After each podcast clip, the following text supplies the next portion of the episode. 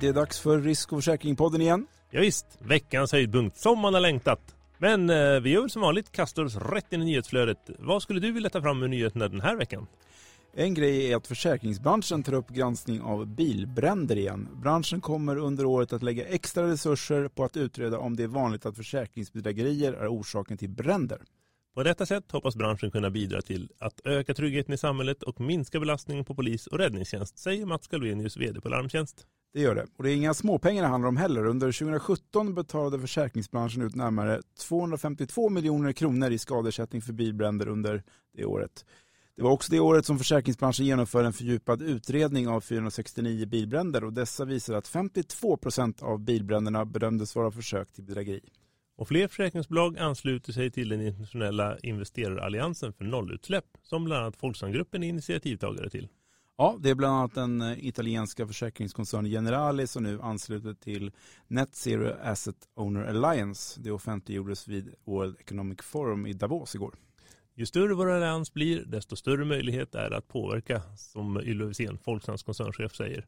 Och Folksamgruppen miljardinvesterade även i en grön skogsfond i veckan. Folksamgruppen gör det för att man anser att skogsinvesteringar bidrar till en hållbar utveckling och är dessutom en realtillgång med låg volatilitet.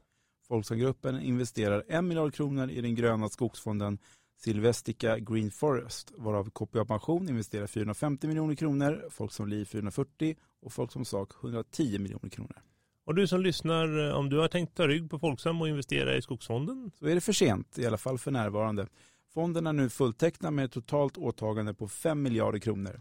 Övriga investerare i fonden är gamla livförsäkringsbolaget SEB Tryggliv, försäkringsbranschens pensionskassa FPK och norska KLP som står för kommunal landspension gensidige försäkringssällskap. Det gör det. Mm. Och I måndags rapporterade vi om att det är cyberriskerna som toppar i Allians riskbarometer. Och det är för första gången som cyberskador ses som den viktigaste och mest kritiska affärsrisken.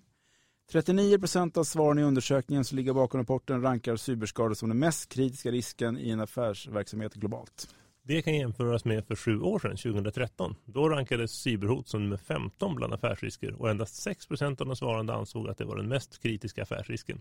Och det var drygt 2700 experter inom riskmanagement från över 100 länder som svarade på undersökningen. Så det är inte någon pytteundersökning. Och igår fick vi reda på att SPP tar över Postnordanställdas trygghetsförsäkringar. SPP får därmed förtroendet att överta ansvaret för 10 000 Postnordanställdas trygghetsförsäkringar. Det handlar om anställdas sjukpension, premiebefrielseförsäkring och familjepension. Postnord har idag ett eget kollektivavtal om tjänstepensioner, ITPP, som idag försäkras hos Postnord Försäkringsförening, PFF. Pff. Affären med SPP omfattar en överlåtelse av PFFs försäkringsbestånd till SPP som planeras till den 30 april i år. Överlåtelsen förutsätter förstås Finansinspektionens tillstånd. Efter genomförandet av denna kommer PFF att upphöra med verksamheten. Japp, och Moderna Försäkringars moderbolag Trygg kom med sin kommuniké denna vecka och det var då Lars Bonde, TF-vd för Moderna efter Leif Eliasson som uttalade sig om nyckeltalen. Den nya vdn Niklas Larsson tillträdde först i mars. Och vad sa herr Bonde om utvecklingen för Moderna under fjärde kvartalet förra året? Jo, han var nöjd med att Moderna visar på en god premieutveckling. Eh, det som mindre bra var den negativa skadeutvecklingen inom motoraffären som har fortsatt påverkat eh, Modernas tekniska resultat eh, negativt under det fjärde kvartalet. Lars Bonde sa också att Moderna har flera pågående initiativ för att vända utvecklingen och har också sjösatt flertalet åtgärder inom affärsområdet industri för att förbättra lönsamheten inom just det affärsområdet. Och Gensidie kom också med sin rapport i veckan. Koncernchefen Helge Leiro Bastad var nöjd med utvecklingen. Han var nöjd med att det blev ett bättre resultat jämfört med förra året. Det beror mycket på eh, försäljning av gensidig bank, högre finansavkastning, framgångsrika prisjusteringar, hög förnyelse och bättre väderförhållanden samt god utveckling i utanför Norge. Typ det allra mesta gick bättre för gensidig alltså? Ja, eh, men i Sverige gick det lite tyngre under det fjärde kvartalet enligt rapporten med försämrat tekniskt resultat och en markant höjd totalkostnadsprocent. Skandia meddelar i veckan att de under fjolåret delat ut 24 miljarder till sina 1,4 miljoner Tradlivkunder. Den genomsnittliga återbäringsräntan förra året hamnar enligt Skandia på 6,1 procent, vilket också är den genomsnittliga återbäringsräntan sett över de senaste 15 åren. Ja, grattis till Skandias Tradlivkunder då. Och Alecta meddelade i onsdags att de utökar sin service till företagskunder genom att inrätta ett så kallat internetkontor för sina 35 000 företag och ombud. Vad kan man göra på det kontoret då? Jo, här kan Alectas företag och ombudskunder bland annat hämta uppgifter om de anställdas ITP-försäkringar, göra kostnadsberäkningar, ta fram prognoser och administrera behörigheter. Redan idag gör Alectas företags och ombudskunder ungefär 125 000 inloggningar per år på internetkontoret eh, och nu kanske det ökar ytterligare.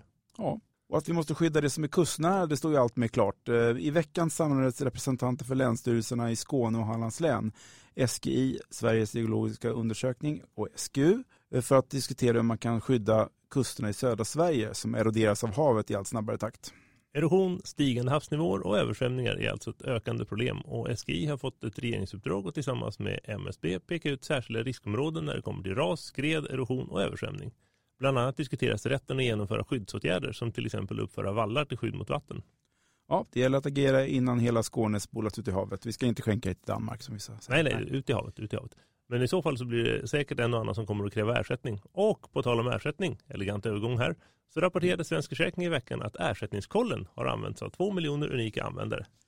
Fast ersättningskollen har förstås ingenting med ersättning av bortspolade hus att göra. På ersättningskollen kan man se hur mycket pengar man kan få om man blir sjuk, råkar ut för ett olycksfall eller en arbetsskada såklart. Mm. Det kan ju hända att man blir sjuk om ens hus spolas ut i havet. Ja, troligen. Men nu någonting helt annat. Finansinspektionen föreslår ändringar i sina föreskrifter om försäkringsdistribution.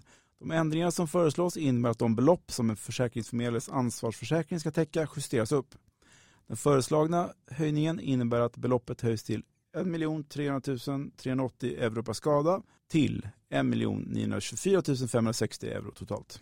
Ah, Enligt DEFI finns det idag drygt tusen fysiska och juridiska personer i Sverige som har tillstånd att distribuera försäkringar och som därför måste ha en ansvarsförsäkring som uppfyller FIs krav. Så är det. Hårda bud. Mm, verkligen. Mindre hårda bud var det på förmedlarmässan arrangerad av Knex som vi besökte tidigare här i veckan i tisdags. Ja, det var många försäkringsbolag och fondbolag och som var att ställa upp eh, och många intressanta seminarier dessutom. Och det skriver vi om i denna veckas Insights också, eller hur gör? Ja, och därifrån rapporterar vi alltså om olika synpunkter på IDD som framkom under två paneldebatter. Såväl för branschföreträdare som jurister och FIs experter diskuterar regelverket och dess utveckling. Ja, det var spännande. Något mer att nämna? Ja, vi passade på att intervjua Leonard Myntz som också talade där eh, i tisdags. Han berättade att intresset för att försäkra exklusiva prylar ökar snabbt när allt fler svenskar har blivit förmögna på den stigande börsen och väljer att köpa konst, exklusiva klockor och diverse udda samlarobjekt. Och vad var det för spännande exempel på udda samlarobjekt han pratade om? Ja, vad sägs om en halvrökt cigarr som har suttit mellan läpparna på Winston Churchill? Eller kanske en handskriven formel för världsfred formulerad av Albert Einstein? Det är synd att jag inte röker, annars kunde du ha investerat i en halvrökt cigarr från din kära kollega. Eller också kunde du ha formulerat en eh, formel för världsfred. Det hade jag förstås också kunnat göra. Men eh, hur som, på tal om investeringar så har jag gjort en stor genomgång av eh, vilka eh, av de 17 globala hållbarhetsmålen som de största livbolagen har valt att fokusera på. 13 liv och pensionsbolag har svarat på eh, frågorna och det är stor variation på vilka mål man har valt ut. Det mest populära målet är nummer 13, att bekämpa klimatförändringarna genom omedelbara åtgärder. 11 av de 13 bolagen hade valt att fokusera på det målet, men det var flera andra mål som också var populära. Intressant, bra jobb av dem. Ja, absolut. Men eh, du kan väl berätta lite om vad vi behöver hålla ögonen på under nästa vecka? Det ska jag göra. Det är som bekant rapportperiod just nu. Rapporter från Swedbank och SEB blir det.